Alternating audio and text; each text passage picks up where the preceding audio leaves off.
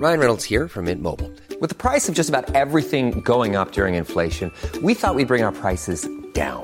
So to help us, we brought in a reverse auctioneer, which is apparently a thing.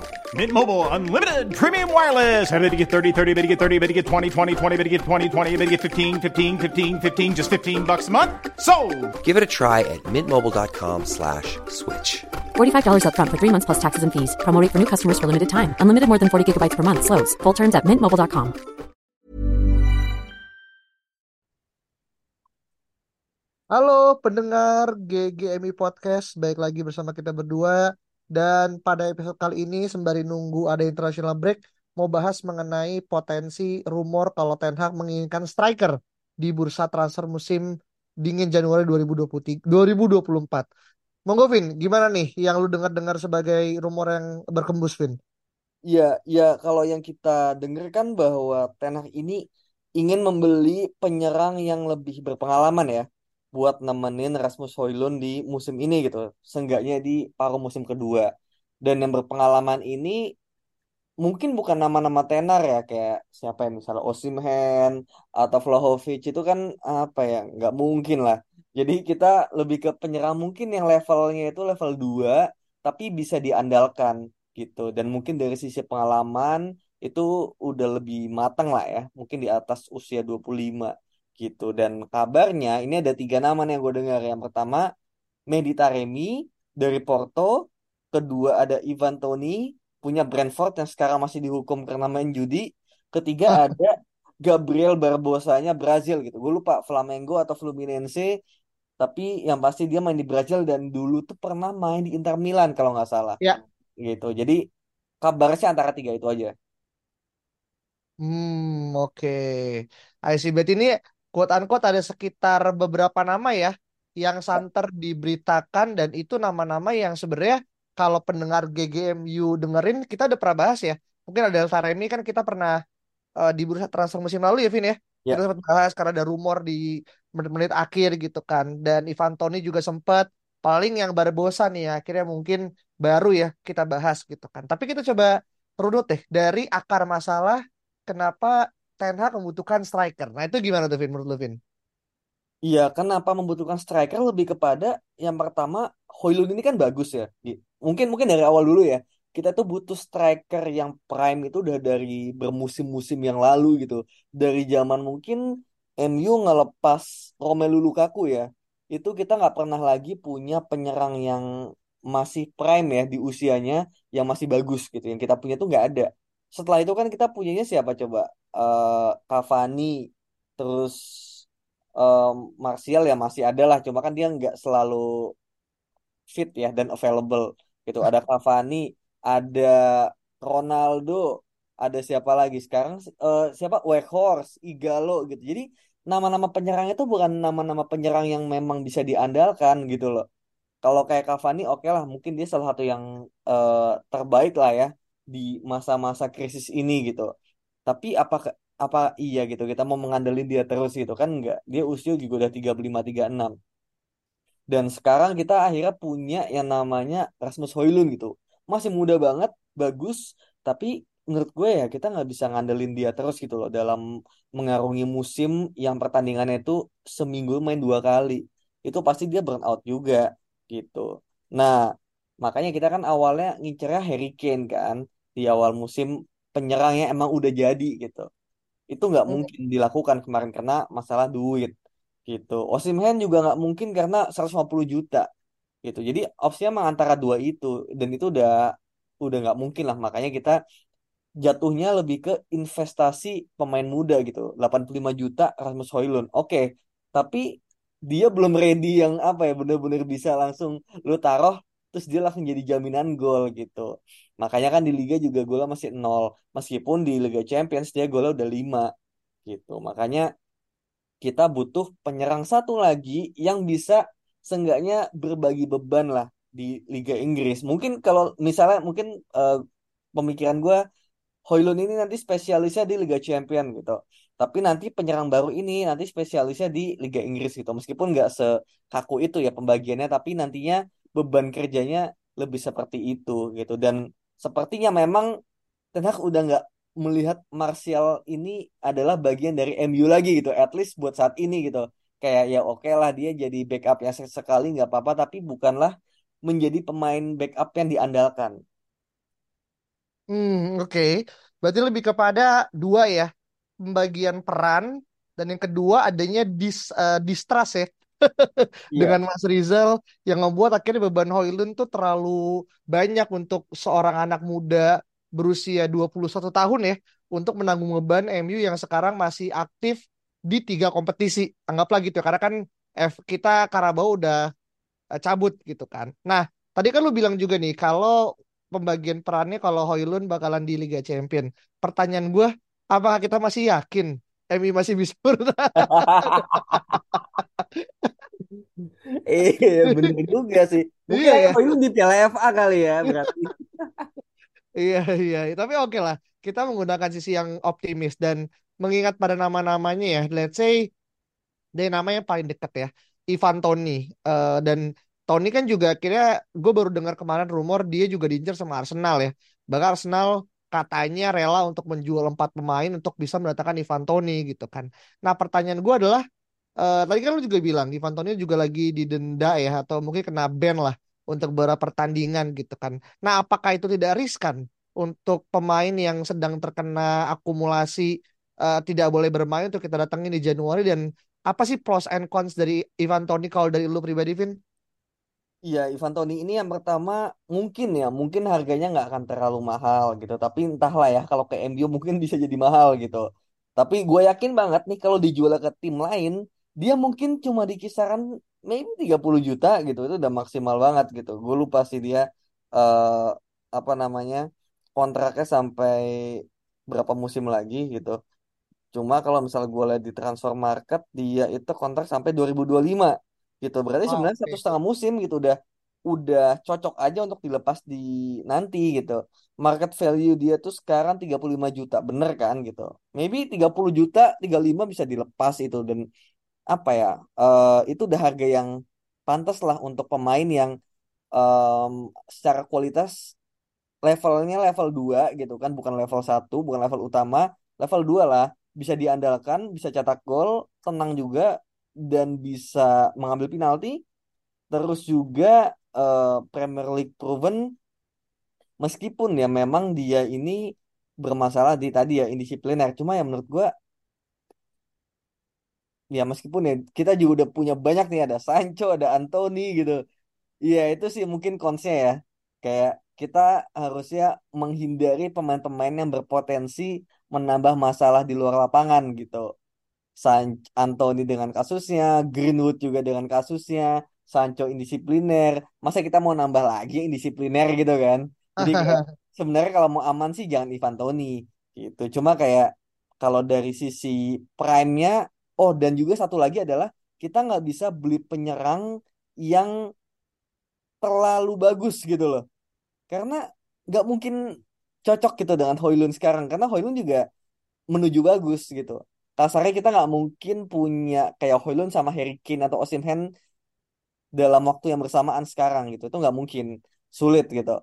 Karena tipikal mainnya itu benar-benar penyerang murni nomor 9 gitu. Nah, Ivan Toney ini kan levelnya 2 gitu yang bukan yang jago banget. Jadi dia pasti legowo kalau dicadangkan atau bermain sesekali kayak gitu. Kita harus mencari profil yang juga benar-benar cocok dan Ivan Toney sebetulnya memang pemain yang cocok. Cuma masalahnya konsnya lebih kepada harga yang sangat mungkin ditinggiin kalau MU dan juga indisiplinernya sih. Hmm, oke. Berarti di sini lebih kepada adanya kemungkinan terkait dengan markup ya, markup value dengan MU market dan juga permasalahan indisipliner yang bukan satu dua nama tapi tiga nama ya, yang akhirnya masih menggantung di MU dan belum ada resolve yang benar-benar clear gimana kira kita eh, quote unquote ya berdamai dengan tiga orang ini. Walaupun satu sedang dipinjamkan, satu lagi diparkirkan, satu lagi sedang menuju fase transisi menuju pribadi lebih baik. Itu Anthony gitu kan semoga ya. Eh, walaupun tentu kepolisian lagi masih terus eh, melakukan investigasi gitu kan.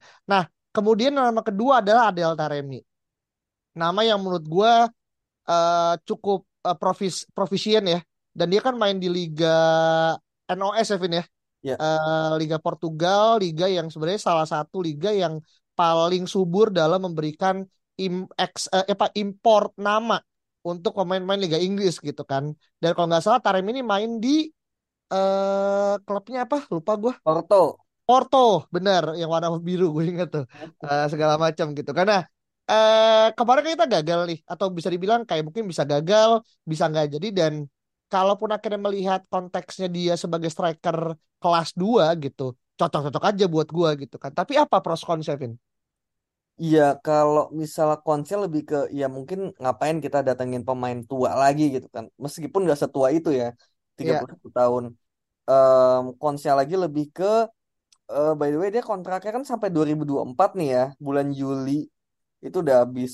Jadi kontrak dia tuh benar-benar tinggal setengah musim. Jadi Porto ini kalau mau pingin duit ya now or never gitu loh.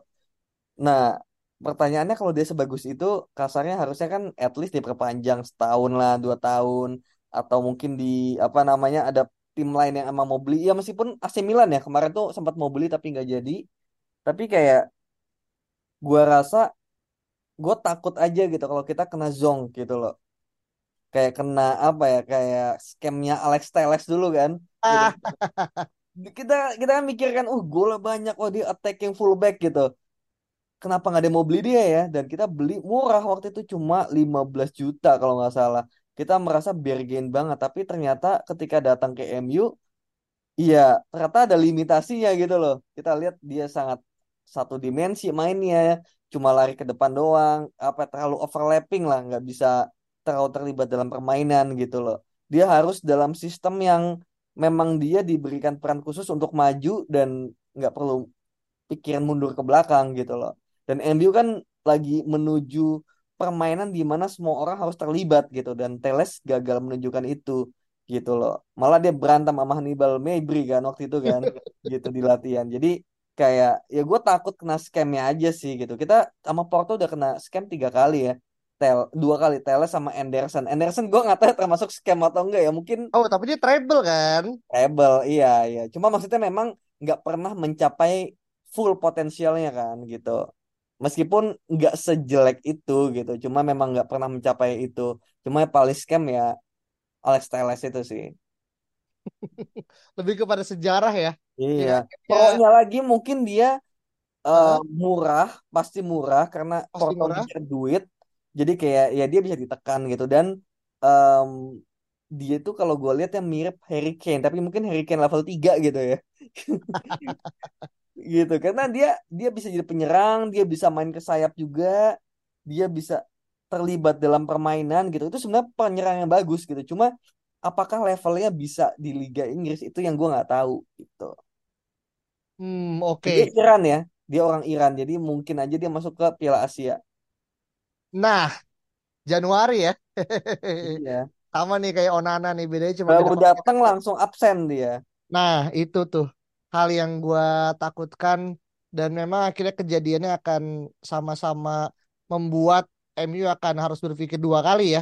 Kalau kita emang banyak pertandingan di Januari, sepertinya terlalu riskan kalau kita akhirnya mengorbankan orang yang kita ada baru datang, tapi sudah kita izinkan untuk akhirnya cabut ke sebuah perlombaan walaupun tentu legal ya untuk tim tidak boleh menahan-nahan karena kan itu kan kalender FIFA ya eh, Piala Asia dan juga Piala Afrika gitu kan. Kalau untuk konteksnya Onana gitu. Tapi untuk Adel Tare, eh, Taremi sendiri gue Mehdi walaupun gue nonton apa? Mehdi Mehdi Oh Taremi. Mehdi. Adel Adel itu Adel Arab. iya bener Iya makanya gue suka ada oh iya Adel Adel Arab Mehdi Taremi sorry salah. Eh iya Mehdi Taremi gue baru nonton beberapa kompli- kompilasinya ya yang 15 menit gitu kan dan terlihat sih dia tipikal striker yang fisikal ya Vin ya ya bener-bener akhirnya bisa menjadi pemantul dan gue mungkin ngelihat ya kalau Hoylund bener-bener bisa dibuild seperti dia dan even lebih better ya gue ngeliat sih dia emang fase eh, apa ya lebih seniornya lah dari eh, apa dari Hoylund sendiri gitu. Nah masalahnya adalah ketika kita datengin eh, Taremi gitu tentu kan akan jadi striker lapis kedua gitu. Yang mana buat gue nih ini dari opini gue yang terbaik ya adalah gue pengennya eh, striker ini bisa compete gitu dengan Hoylund sehingga apa yang terjadi dengan Diogo Dalot itu nggak terjadi lagi gitu loh. Ya, apa kita tahu ya kita pernah ngomong kan Dalot yang akhirnya bermainnya kurang eh, karena nggak ada kompetisi kan, dia Hmm. main terus kan kiri kanan kiri kanan gitu kan. Yang mana gue kan kita udah bilang-bilang gitu. eh, dia ini adalah titik lemah MU saat ini karena bukan karena dia jelek, tapi emang karena nggak ada kompetisi gitu. Nah, lu ngelihat eh, dengan Taremi yang mungkin tidak bisa memberikan gedor untuk bisa menjadi starting, apakah ada potensi ini menjadi Hoylund akan terkena sindrom kayak unchangeable person gitu gak, Vin? Kalau unchangeable sih gue nggak tahu ya gitu. Karena Hoylund sendiri menurut gue masih akan semangat bermain karena dia belum apa ya belum mendapatkan golnya gitu loh di Liga Inggris gitu. Dan dia masih darah muda banget punya apa ya masih musim pertama gitu. Kalau musim kedua gue nggak tahu ya gitu. Tapi musim pertama gue yakin dia bakal abis-abisan cuma lebih ke ya bener yang lo bilang gitu. Nih di Taremi ini apakah kualitasnya memang bisa menyaingi Hoylund gitu? At least kalau misalnya Hoylund lagi di parkir Hey, I'm Ryan Reynolds. At Mint Mobile, we like to do the opposite of what Big Wireless does. They charge you a lot, we charge you a little. So naturally, when they announced they'd be raising their prices due to inflation, we decided to deflate our prices due to not hating you. That's right. We're cutting the price of Mint Unlimited from $30 a month to just $15 a month. Give it a try at mintmobile.com slash switch. $45 upfront for three months plus taxes and fees. Promo rate for new customers for limited time. Unlimited more than 40 gigabytes per month. Slows. Full terms at mintmobile.com. apakah Taremi ini bisa menjadi juru gedor kita yang pantas gitu. Nah, sejauh ini dari mungkin eh 10 musim terakhir kali ya gitu. Gue merasa yang bisa melakukan itu ya Cavani gitu loh. Pemain seperti Cavani yang sifatnya backup tapi backup ini adalah backup yang bagus gitu loh. Sedangkan kalau misalnya kayak Weghorst itu kan backup yang kayak kita tuh mungkin deg-degan ya kalau dia main ya gitu kayak aduh gitu.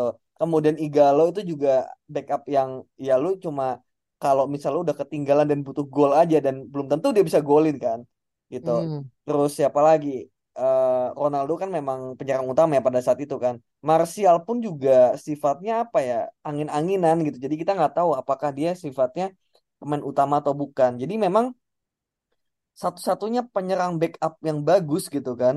Iya, Cavani gitu. Yang memang waktu itu kita mungkin ngomongin usia ya udah 35 tahun. Terus mungkin mengingatkan kita sama Falcao gitu. Tapi ternyata dia sebagus itu. Bahkan sempat menggeser Martial gitu kan. Bikin Martial malah bukannya termotivasi malah makin down dengan adanya Cavani gitu. Nah, itu dia kita kita berharapnya Taremi ini adalah Cavani gitu. Cuma nggak tahu nih Taremi jadi Cavani atau jadi Igalo gitu. Itu yang gue nggak tahu. Atau jadi ini Hendrik Larsson Oh, Henrik Larsson masih oke kan tiga bulan masih oke. kan. Tiga Iya, bulan tapi kan gol. Iya, tapi kan dia juga didatangkan kan kalau nggak salah di bursa musim dingin kan. Kalau gue Tuh, nggak salah ya, pas ya, zaman ya. ya. Eh dan itu kan sempat adanya tagol tuh pakai sundulan gue inget banget tuh. Eh, cuman ya kita kita punya banyak sejarah lah ya dengan striker-striker yang mungkin secara usia udah nggak muda dan datang pada saat emergency cases gitu dan eh, Taremi adalah nama yang mungkin fit in tapi kita nggak tahu apakah dia adalah orang yang cocok secara skema karena sekali lagi ya eh, kita udah lihat bagaimana kira Mason Mount yang digadang-gadang yang akan menjadi missing link puzzle ternyata sampai saat ini juga belum menciptakan eh, ya ininya kontribusi yang sesuai lah dengan harga yang dia berikan dan angka yang dia pegang di angka 7 gitu kan. Dan itu buat gua catatan buat Taremi gitu. Nah, untuk nama terakhir yaitu adalah Gabriel Barbosa. Ini eh, Brazil Tulen ya. Dari Hmm. nama, dari skill dan mungkin kalau teman-teman udah lihat beberapa kompilasi videonya, dia tipikal striker yang mungkin lebih apa ya, mungkin bisa main di sayap juga. Eh, tapi emang eh, dia mengingatkan gue pada Adriano sebenarnya, Vin. Gue nggak tahu Hmm. lu ini apa enggak, tapi sekilas ya dengan bodinya dan segala macam ini punya prospek. Tapi yang gue sangat sayangkan adalah Gabriel Barbosa tuh nggak pernah mencapai level di mana kira Barcelona ataupun Madrid benar-benar tertarik gitu loh. Karena kan apalagi Madrid ya, Madrid kan sangat Brazil minded ya. Ada pemain bagus dikit sikat gitu. Nah Barbosa tuh nggak pernah masuk ke dalam radar mereka. Nah lu ngelihatnya Barbosa sendiri gimana, Vin? Untuk eh, skema ini, Vin? Iya, iya Gabriel Barbosa ini gue udah tahu udah lama ya dari zaman dia dibeli sama Inter Milan gitu kalau nggak salah. Nah, gue dulu sempet kebalik ya Gabriel Barbosa sama Gabriel Jesus gitu. Gue kira Barbosa itu adalah Gabriel Jesus gitu karena wih udah ke Manchester City aja gitu. Ternyata beda gitu. Ternyata Gabriel Jesus, Gabriel Barbosanya ke Inter Milan gitu. Cuma somehow apa ya dia mungkin terlalu apa ya benar sih kata lo mengingatkan sama Adriano gitu kelihatan striker striker yang bengal gitu kan. Iya. nah itu dia. Gue merasanya dia tuh kayak bukan pemain yang punya good attitude gitu di lapangan. Kayak Balotelli lah gue lihat ya sebetulnya. Meskipun gue nggak pernah lihat dia main nggak pernah cuma kayak perawakannya sepertinya seperti itu gitu. Jadi eh sejujurnya gue nggak terlalu impress ya sama Gabriel masih gue juga lagi ngelihat eh, kompilasi dia bermain dia 27 tahun dan dia banyak eh, main memang di Brazil ya di Inter kayaknya juga cuma sebentar nggak lama. Kalau gue lihat tuh dia di Inter oh sering dipinjemin juga dia ternyata. Dia dibeli Inter tuh harga 29 juta tahun 2016 dipinjem-pinjemin ke Benfica ke Santos Flamengo gitu. Sampai sekarang masih dipinjem-pinjemin gitu. Terakhir tuh ya musim 2020 dijual harganya 17 juta gitu. Gitu. Jadi menurut gua kayak ya dengan dia dipinjam-pinjamkan gini artinya mungkin emang di Inter aja di Italia aja nggak cocok men. Gitu. Rasanya di Inter aja nggak cocok gimana lu di Inggris gitu. Kayak gua sih jujurnya nggak yakin sih apakah dia bisa eh, survive atau nggak. Malah gua khawatirnya ya nantinya dia bakal jadi another Sancho yang telat latihan lah dan lain-lain. Karena gua ngelihat traitsnya dia di di Huskort ya. Dia tuh strength-nya kelebihannya adalah holding on to the ball bagus nih ya. Mhm. passing sama kipas gitu. Jadi sebenarnya untuk penyerang tuh bagus dia untuk menjadi pemantul gitu. Tapi weakness-nya itu defensive contribution sama disiplin. Nah Aduh. gitu. Jadi itulah mungkin konsnya gue lebih ke apa ya mungkin hal-hal di luar lapangan sih. Meskipun gue juga belum searching lagi ya cerita-cerita dia di luar lapangan seperti apa Hmm, menarik. Karena ini adalah hal yang eh, selalu menjadi perdebatan pemain tidak hanya yang kita lihat di dalam lapangan, Evin ya, tapi juga di luar lapangan. Dan by the way, ini gue baca fakta dari Indosport.com ternyata Barbosa itu adalah pacarnya adiknya Neymar. waduh Waduh, ini semakin menambah bahasa anak muda sekarang red flag ya. Ya Red sebenarnya flag. kalau dia pacarnya adiknya Neymar nggak masalah kan? Tapi kan ya kita tahu gimana Neymar behaviornya kan. Dan gue takutnya Oh, menular aja gitu ke ke dianya ya. Meskipun ya kita nggak bisa membuat justifikasi. Tapi buat gue ini jadi kayak fakta yang tidak bisa di apa ya anggap remeh aja sih Vin. ya Segala benar-benar. macam. Dan way dia tuh dulu pemain futsal. Hmm oke. Eh, sebenarnya kelihatan sih eh, dari cara trik segala macam kalau teman-teman lihat kompilasi dia bener-bener sangat-sangat eh, apa ya kayak tipikal yang eh, striker yang ganas di dalam kotak gitu kan. Dan itu bener-bener kayak mencerminkan. Kalau emang dia bilang main futsal sih gue sih percaya-percaya aja.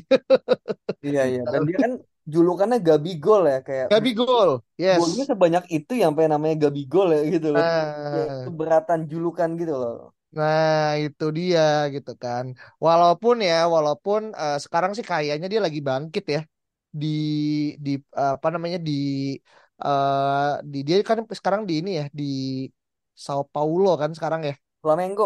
Oh sorry, Flamengo itu ya benar dia itu bahkan udah mencetak eh, 18 gol dari 53 pertandingan eh, sejak tahu sejak awal 2023. Jadi sebenarnya ya well ya hitungannya mungkin tiga match satu gol lah dan menurut gue sih eh, dia mungkin mulai menemukan peaknya lagi gitu kan. Nah masalahnya adalah dengan Gabigol ini dia kan atau dari pelatihnya sendiri pelatihnya dari Flamengo itu tertarik untuk tukar nih tukar guling dengan Anthony. Nah lu ngelihatnya lebih cocok mana nih apakah kita ngebeli aja atau tukar tambah dengan Anthony? Apa ya Anthony ini menurut gue jangan diapa-apain lalu kan baru semusim ya gitu. Ini musim kedua investasi 100 juta menurut gue kayak masih harus dikasih kesempatan sih.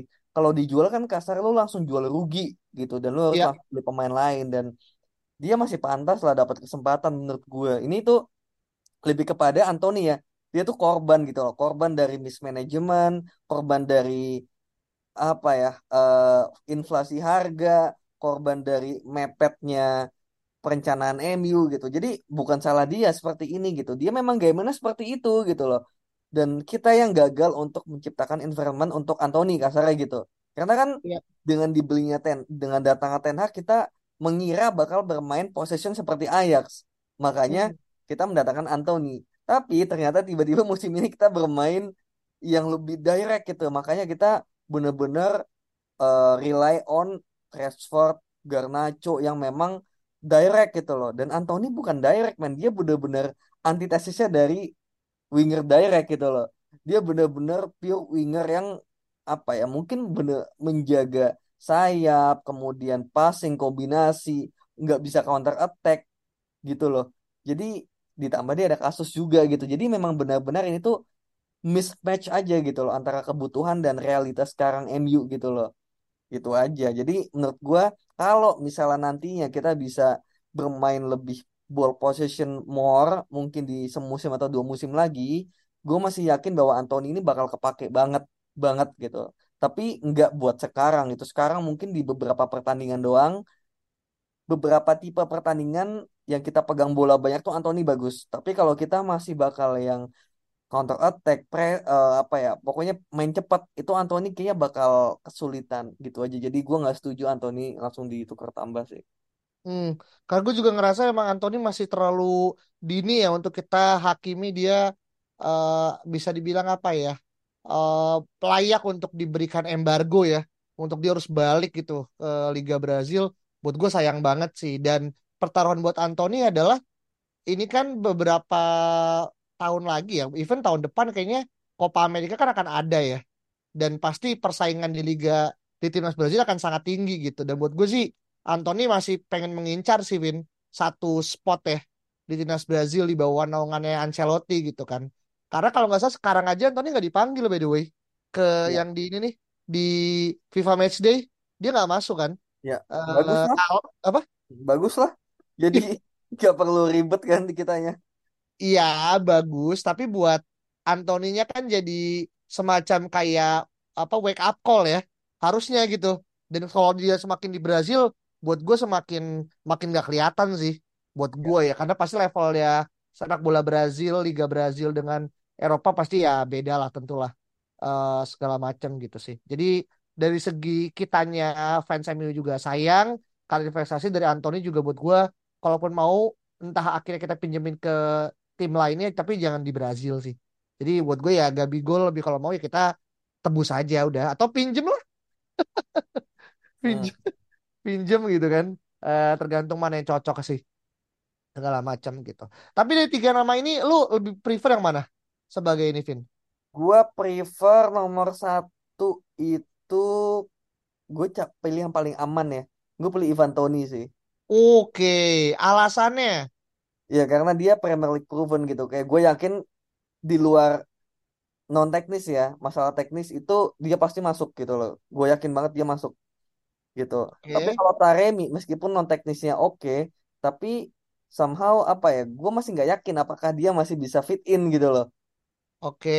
Ya, tapi kalau Gabriel Barbosa kayak udah nggak deh kayaknya karena gue sendiri emang nggak terlalu banyak tahu tentang dia, tapi dari yang gue lihat kayak ya masih ada opsi lain lah gitu. I see. Nah, sebenarnya Vin, ini mumpung sekalian ya. Gue tuh kemarin sempat baca ada rumor kalau MU katanya tertarik untuk mendatangkan Rafael Leo. Yang mana buat gue ini menarik banget nih, karena gue suka banget dengan Rafael Leo ya. Ketika kemarin Milan main lawan PSG tuh, gue ngelihat bagaimana kan Leo menjadi sosok yang ya meskipun dia mungkin gak nyetak gol, tapi buat gue eh, his figure kalau misalkan emang di tangan tepat bakal jadi potensi. Nah, lu ngeliatnya gimana nih? Terakhir deh, bahas masalah Leo sedikit aja karena gue baca kemarin ada yang mengabarkan entah di Sky Italia atau mana gitu. Menurut gue ya dia another Rashford sih gitu. Jadi kayak Rashford aja gue masih kurang serak gitu, apalagi Rafael Leao gitu. Jadi gue kurang suka sama dia sih. Oh gitu. Iya, gue nggak terlalu suka. Ya maksudnya dia buat winger kan, dia kan bukan penyerang gitu loh. Dia dia left winger, mungkin dia bisa penyerang tapi bukan pemain yang fasih main di sana. Dia lebih ke kiri dan kita punya Rashford gitu kayak nggak akan mungkin bisa kita memainkan itu. Kalaupun datang, Rashford harus keluar dulu gitu loh. Hmm. Eh, buat satu nggak buat gua nggak make sense kedua gua prefer bukan pemain mahal atau pemain bintang gitu tapi pemain yang emang fit in dengan sistem gitu gua lebih prefer sekarang sistem player rather than satu nama yang menjadi apa ya kayak tumpuan gitu loh karena Hmm. gua mungkin kiblatnya lihat ke Man City kali ya yang Iya, nggak iya, iya. satu pemain jadi tumpuan tapi semua pemain bisa contribute gitu dan Leo ini gue melihat dia adalah pemain yang kayak ya seperti Rashford gitu persis Jadi lu nggak ngelihat ada perbedaan yang signifikan antara Leo dan juga Rashford ya? iya Lebih betul kepada ya Leo lebih muda aja gitu. iya mm-mm. Dia orang Portugal. betul Ya yang bisa link up dengan Bruno gitu kan. Maksud ya gue sih ya lebih ke itunya ya. Dan well gue juga tadi pas ngomong Leo lebih kepada apakah Leo itu adalah orang yang tepat secara profile dan juga secara market. Tapi gue yakin sih pasti Milan gak akan jual murah lah untuk Leo. iya segala macam gitu kan. Oke, nah paling kalau bahasan masalah pemain depan kira-kira seperti itu. Dan memang mungkin nanti ya Vin ya, along the time mungkin ada nama-nama baru ya yang kita mungkin akan terus menunggu. Kira-kira apakah ada kejutan, entah mungkin eh, nama Wake Horse yang tiba-tiba muncul, tapi eh, ya tentu bukan dia ya karena sekarang dia kayak lagi hidup tenang ya di Liga Jerman ya. iya Wake Horse iya gitu kan. Jadi mungkin nggak akan masuk, tapi kita tunggu kira-kira apakah ada kejutan dari eh, MU sekitar dua minggu lagi karena bentar lagi udah masuk Desember dan pasti pembukaan dan juga mungkin rumor-rumor udah akan eh, mulai merebak. Kita tunggu aja. Dan paling itu aja. Kalau teman-teman ada pendapat berbeda, silakan tulis di kolom komentar Twitter kita at GGMI Podcast. Dan jangan lupa untuk patangin terus dan see you around pendengar GGMU.